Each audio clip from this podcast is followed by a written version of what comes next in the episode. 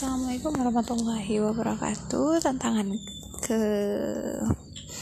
9 di zona 5 uh, Patungnya tetap Damar Al-Kausar Usianya 4 tahun uh, Dalam kegiatan Read Aloud. Dan hari ini kami membaca buku English Storybook. Ini bukunya uh, uh, penerbitnya siapa dan nggak tahu eh, nggak uh, tahu siapa karena tulisannya tulisan Cina. Jadi bahasa eh, tulisan Mandarin gitu.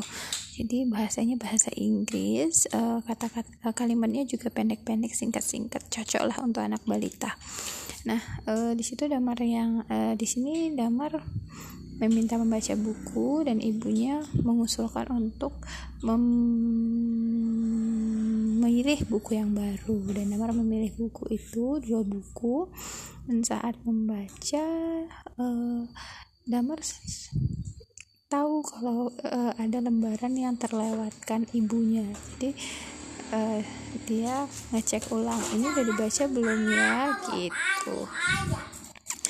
Baik itu dia uh, tantangan di hari ini. Terima kasih. Assalamualaikum warahmatullahi wabarakatuh